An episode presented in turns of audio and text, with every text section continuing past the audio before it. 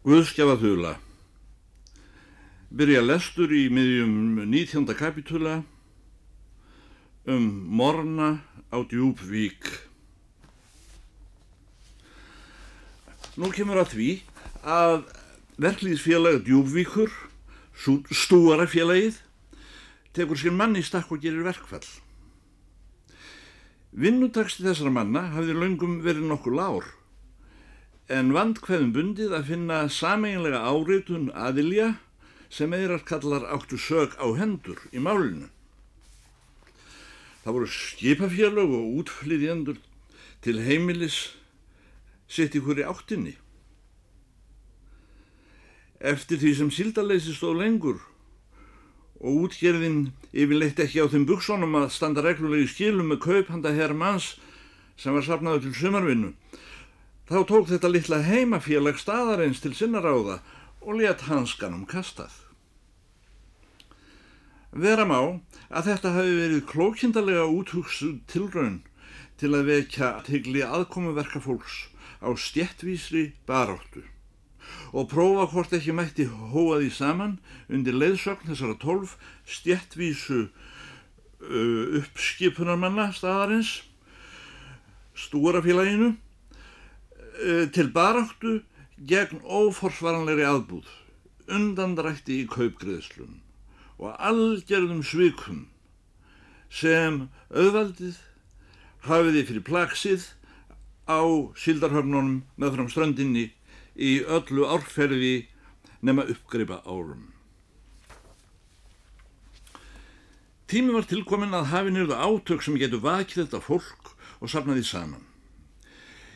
Hinn litli skipulaði kjarni reið á aðið. Formaður þessa verkliðsfélags sem stundum var málsvari begja aðilja í senn og gæti auðveldlega komist í þá aðstöðu að semja við sjálfan sig, má vera að hann vildi nú reka af sér sliðru orð gagvart floknum og sína og sanna að hann hefði enn ekki glemt með öllu þeim góða formála aktivistans að allt sé betra en vera passífur. Þetta hafnarverkfall stóð í tíu dag eða svo. Á líf almennings í kaupstaðnum hafði það þau áhrif að tók fyrir aðflutninga á vöru til daglegar þarfa. Samgöngur til djúpvíkur voru ófullkomlar á landi og lítt gerlegt að byrja upp staðinn öðruvísi en sjóliðis. Byrðir voru littlar sem öngvar hendinær á staðinn.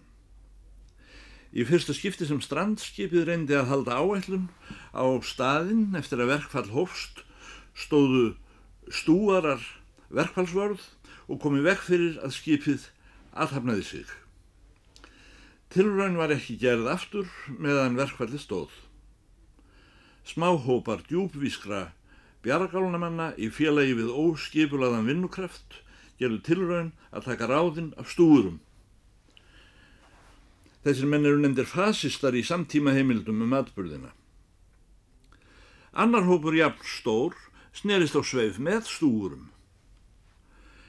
Lítilsháttar pústrar og hrindingar úr á bryggjunni, einn maður dætti sjóin og hann var bjargað. Íslands bessi stóð á bryggjunni og stappaði í verkfallsmenn stálinu og gaf appelsínur, sígarettur og glags og mjölk. Sagan geymir þannig natburð á spjöldum sínum sem bryggjuslægin mikla í djúfvík. Eftir skammar hýð var ekki til mér og þar af leiðandi ekki brauð. Smér ekki heldur. Allt matarkynns var rifið út úr búðanum. Kaffi og síkur horfið eins og dögg fyrir sólu og ekki aðeins sultutau heldur vara sem kaupmenninur höfðu setið uppi með árum saman eins og hunang og flesta Íslandingar hryllir við að þeir halda að þetta efni sé hæðir úr flugum. Einnig hunang var horfið. Fisk var ekki að hafa þó gull væri bóði. En sagt að veri lokað fyrir ólíuna og trillurnar kemst ekki út. Mátti þá ekki damla með ári? Nei, það var svo langt í fisk. Þar þau ekki voru menn orðnir afvanir að halda um ári. Einstökum aður átti ill þefjað trós í poka og leta fallt. Allt í einu er þessi lykt komin á Hotel Djúbvík þar sem byggur stórvesýrar. Ekki voru allir jafn ánæðir yfir þeirri lykt hjá okkur. Þó voru þeir meðal hótelgesta sem hvaðu tróslikt einhvern þann besta ilm sem þeir þekktu af því hann myndi þá æsku þeirra. Stundum var appelsínu pestin að því komin að deyja úr trósilmi. Aldrei heyrði nokkur maður þá Íslandsbessa eða Egildi Grímsson kvarta. Þó reið um þverbæk þegar glaks og mjölk var horfin líka. Það var þá ekki tómt fleipur úr sunnan blöðum að djúfvík stæði og fjalli með glaks og mjölk. Hér var ekkert landbúnaðar svæði og teljandi á fingrum sér þeir sérvitringar sem áttu kýrbein. Að vísu var það síður bændafóls sem flutist búferlum af jörðum sínum í kaupstæðina að ganga í algjert mjölkurbindindi það sem eftir var æfinnar. Svo alls hugar fegnir voru bændur að koma spurt úr því helvíti sveitanna sem skáld kaupstæðana þreytust aldrei á að lofa með þeim óþólandi fjósaskýt sem þar er að þeir fengu klíu af því einu að sjá mjölk fyrstu áratugina eftir þeir voru ornir sælubúðarmenn malarinnar. Því miður voru börn þeirra ekki á sama máli. Það hefur verið læknisfræðilega sannað að sveitabörn aðflutt úr grasi og niðursett á möl vesluðust upp og dóu úr mjölkurskorti á þessum áratugum. Þó ótrúlega sé slóist gamalmenni tomthúsanna í för með börnunum í þessum punti. Þá var það sem mjölk var fundin upp á Íslandi. Að hafa í staðin fyrir hortvikja í senn, falska sveitasælu skáldanna og klaufpenning sveitanna. Mjölk bjargaði þeirri kynnslóð sem hefði losað sig við beljur og leði henni aftur trú á lífið sem vilist þrátt fyrir allt koma úr kúm. Þess vegna var mikil gleði þann morgun í miðju verkfælli þegar Íslands Bessi kemur eins og þrjum ávur heiðskýr og lofti upp á tröppur á hótel Djúbvík og róagandi með fullan kassa. 24 boks af glaks og mjölk. Það var í fyrsta sinn svo menn vissu að þessi stór útgjörðarmadur hefði borið annað en viski og sjálfum sér. Hann laði frá sér burðin á hægindastól í setstofunni Kafteitni Egil D. Grímsson satt þar inni og var að drekka sykulust tevatn og geta þurrkeks. Já, góðan daginn, djöfull minn, nú eru góðar fréttir. Enginn þarf fram að nauða líða á Hótel Djúvík, segir Íslandsbanki. Hér er glaks og mjölk. Kafteinn E.D.G. Egil D. Grímsson. Já, ég kannast við það. Það er óþverri. Bessi, ekki segja nú vísindin svo djöfull minn og ekki skáldin heldur. Þú hlýtur að kannast við lofsengin til glags og mjölkurinnar eftir þjóðskáldið okkar. Og glags og mjölk af huvits himnum ofan, þú neikst til vorað ljá oss nýja sjón hækka mætti heim spekinga kofan og helgum vonum glæðast sér að jón. Svo hörfa kynni hungur sneiðar vofan og hafist gæti revolísjón. Svo hörfa kynni hungur sneiðar vofan og vofan og vofan og hafist gæti revolísjón. Kafteitn EDG óvist hvort hann hefði skilið hvaðið við. Ég held grósirinn vissi manna best að allt lof bæðum glaksumjólk og annað er keipt og borgað fyrirfram. Það er þess vegna sem hvergi er lengur til bjarsíni í verðlutunina með skröm auglýsingum. Ég þarf þeir ekki með. Nokkru setna var verkfallið á enda og það kom nóg af glaks og mjölk. Það er alkunna þegar verkfælli líkur þá er aldrei skýrt frá því í blöðunum niður útvarpinu um hvað það hefði samist eða hvað kaupið hafi hækkað um marga hundraðsluta eða vinnutíminn styrst um marga klukkutíma eða fríin lengst um margar vikur. Yfir þessu er þagað svo bjargálnamenn hefði þá hugmynd að allt standi í stað og ekkit hafi breyst frá því sem var fyrir verkfallið. 2001. kapitúli Tvö bref og andabú Skrifaði Harmageddon, suðum sjó, um hásláttina ég held. Háttvirti herrar í töfundur. Þakka fyrir bækurnar hjún í Guðagerði og hungusneiðin mikla í Persilíu. Þetta skrifa ég að því finn við eruð öðruvísin aðrir og til að látaður vita að það er engin áhrif á mig þó rítumarinn í blæðinu segja þessjuð alvanalegur, dáðurlaus og döður í skrifum.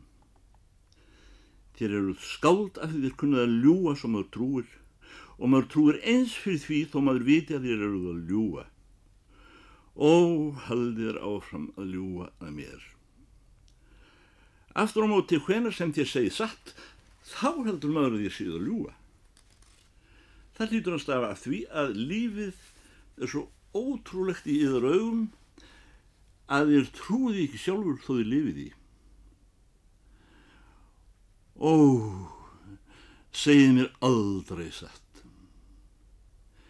Í hjónum í Guðagerfi leysist þjóðfélagið sundur af því þar elskuð allir alla jæmt og það þýðir sama og allir hati alla og, og hver þó sjálfan sig mest. Er, er það ekki? Svona skil ég að það að mista kosti þegar segið að allir hafi dáður hungri í Persilíu af því borgjum var full af mat. Ég á ríkasta pappa á landinu og þess vegna grotna ég niður í Jésu nafni. Amen. Þakkuður fyrir hænsnin sem þér gáðu mér. Aðeins sé ný getur gefið kvennmanni hænsni. Mamma let strax högva hannan en hænuna dói af því Jehova vildi það. Eru ekki tveir fugglar seldir fyrir einn pening og samt fellur enginn vera til jarðar án vilja yfir himneska föður. Hefur nokkun tíma verið skrifuð annur einn setning á jarðríki. En ef þér segið pappa að ég hafi talað við yður og dúðunar hafi komið fljúandi inn um gluggan á Ítalíu þegar hann var að spila á fyrlu, þá skal ég drepa yður. Ég er samskona legari og allir auðmingjar. Öll mín lígi er auðmingja lígi, en samt reynir ég að ljúa aldrei öðru en því sem ætti til sannsvegar færa. Kvikmyndaleikarinn sem ég elska, hann heitir Valentino og er því miður dáin fyrir tólf árum og sá sem flýgur yfir Allandshafið, hann hefur aldrei ætlað að skilja við konuna sína, það er hann Lindberg. Ég kynntist þeim í bóði hjá Madame Tussauds í London þegar ég var lítill. Hvar eru þér og hvar er andabúið í þar? Má ég koma að tala við yður? Í þar elskandi Bergrún Hjálmarsson. Þetta bref sem ég fekk hafi verið sendt stað úr stað og einlegt skrifun í áritun honni þá fyrir uns það komst til skila. Á brefinu er stafagjald sem líkist koparstungu á orðskviðum og augumælum í forskrifstabók barna.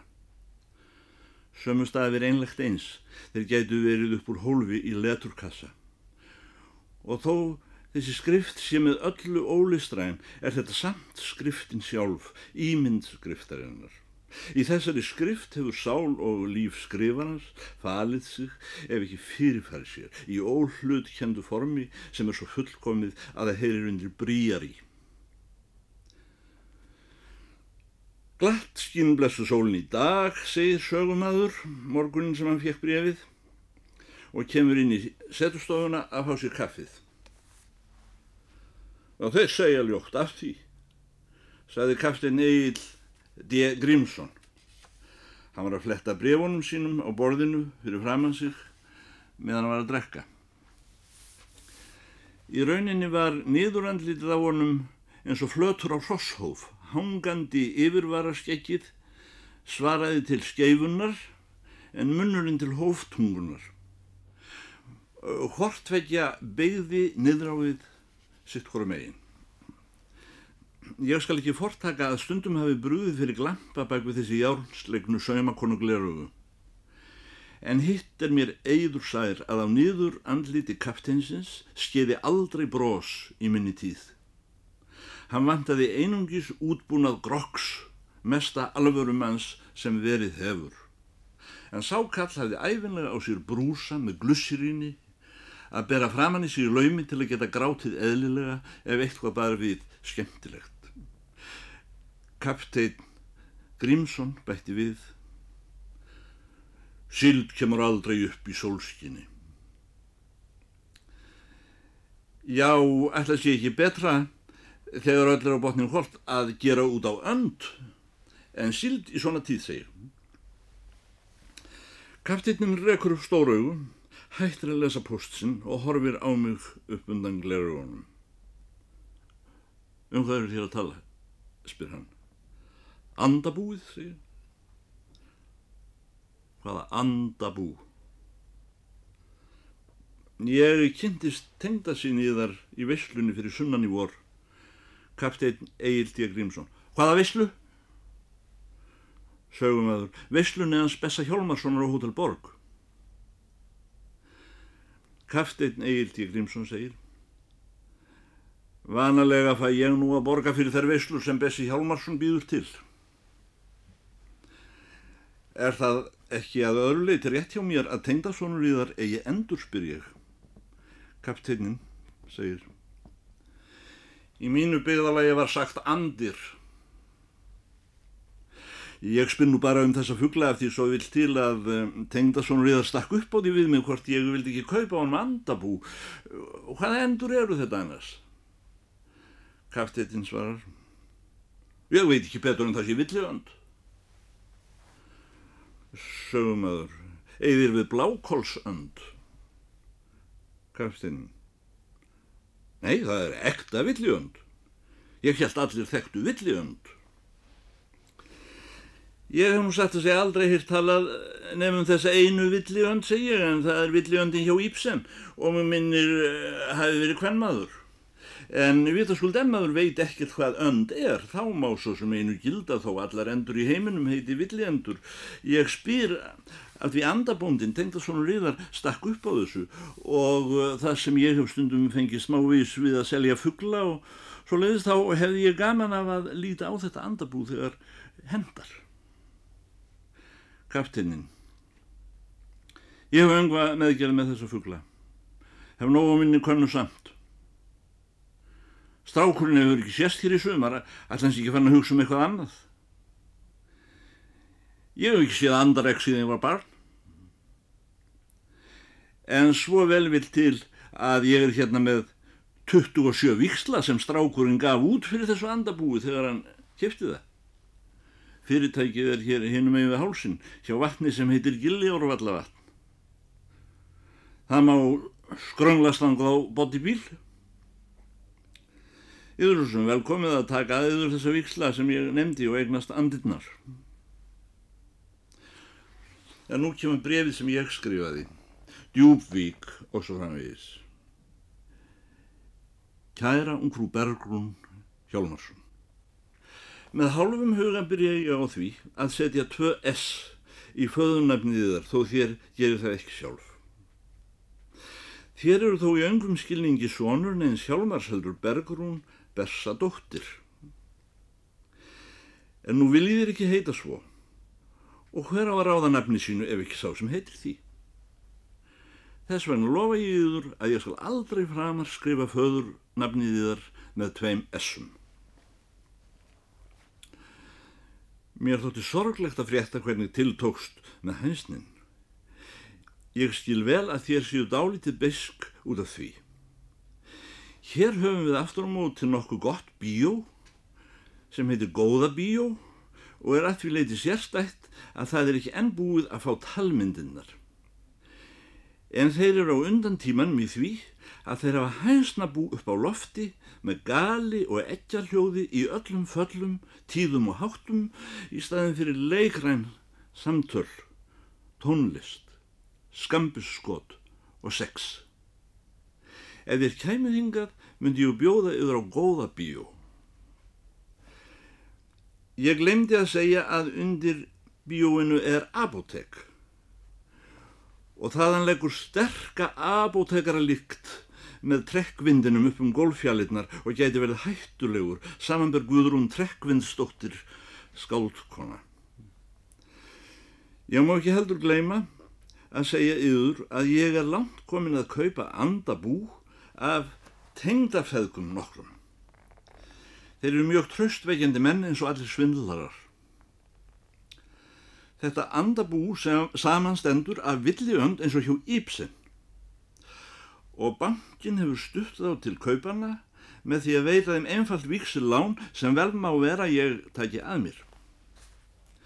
Mér hefur skilist að þarna hafi þeir reist veglega höll handa andagreifann.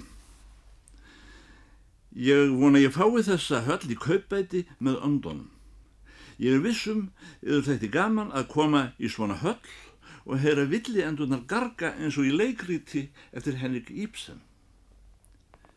Hér í bænum er geit. Hún getur kapstansíkarettur og er talin nokkuð staupakær en hvað hafa týnt í ortrinu.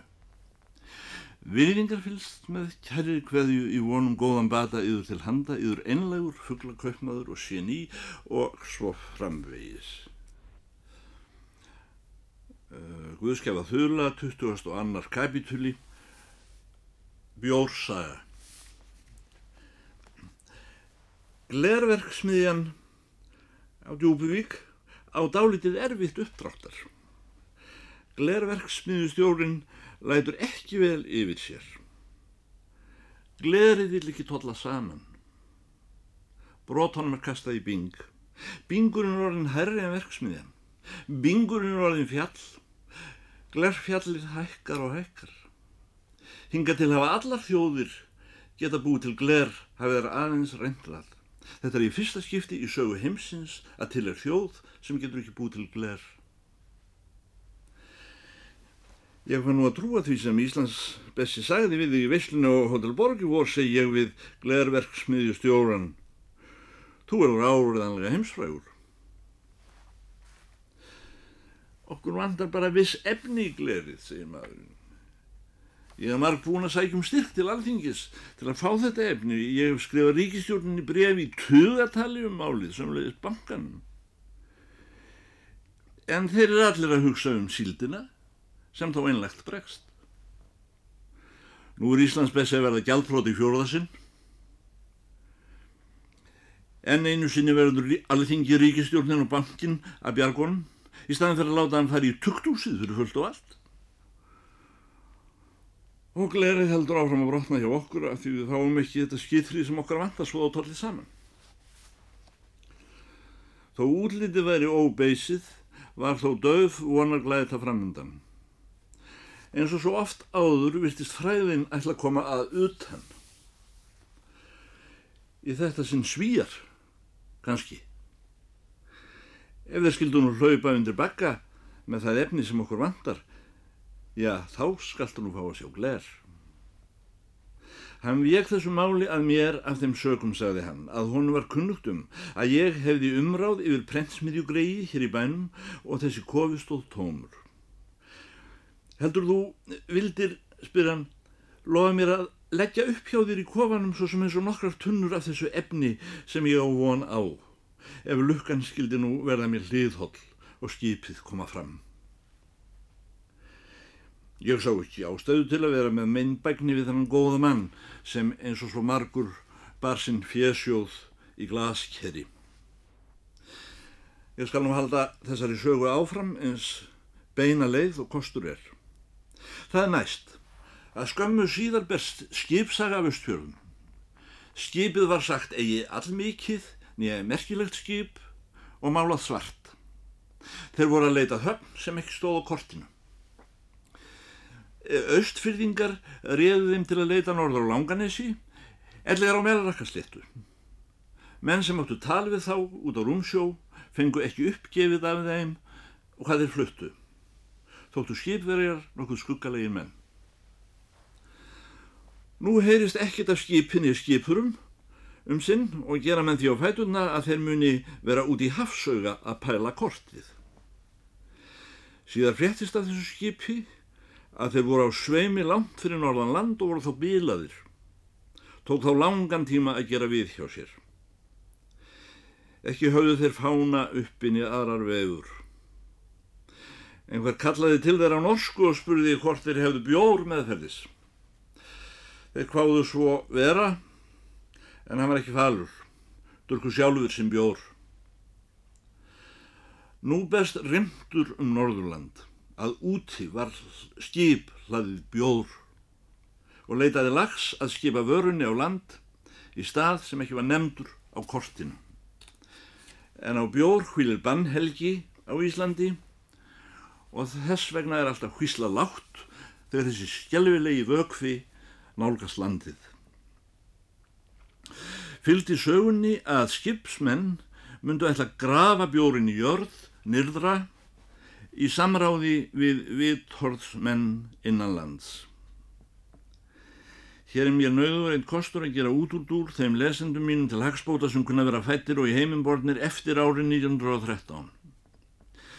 Það ár gengu í gildi þau lög á Íslandi að sá norræn drikkur, bjór sem hér hafi verið kunnur frá upphafi byggðar, var með lögum bannaður Íslandingum en í staðin innleitur drikkur sem á flöskunni er kallaður með stórum stöðum lítað síkur vatn með gerfi kjarna bræði.